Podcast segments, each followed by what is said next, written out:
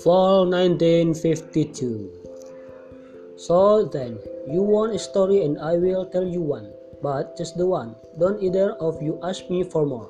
It's late and we have a long day of travel ahead of us.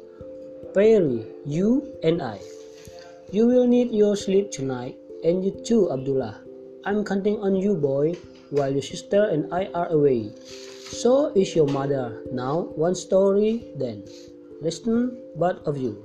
Listen well and don't interrupt.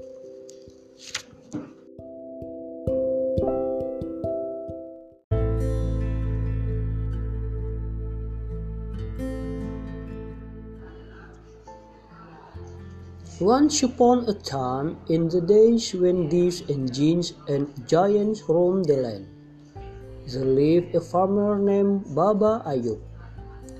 He lived with his family in a little village by the name of Maidan Sabz. Because he had a large family to feed, Baba Ayub saw his days consumed by hard work. Every day he labored from dawn to sundown, plowing his field and turning the soil and tending to his meager pistachio trees. At any given moment, you could spot him in his field bent at their waist, back as curved as the side he swung all day.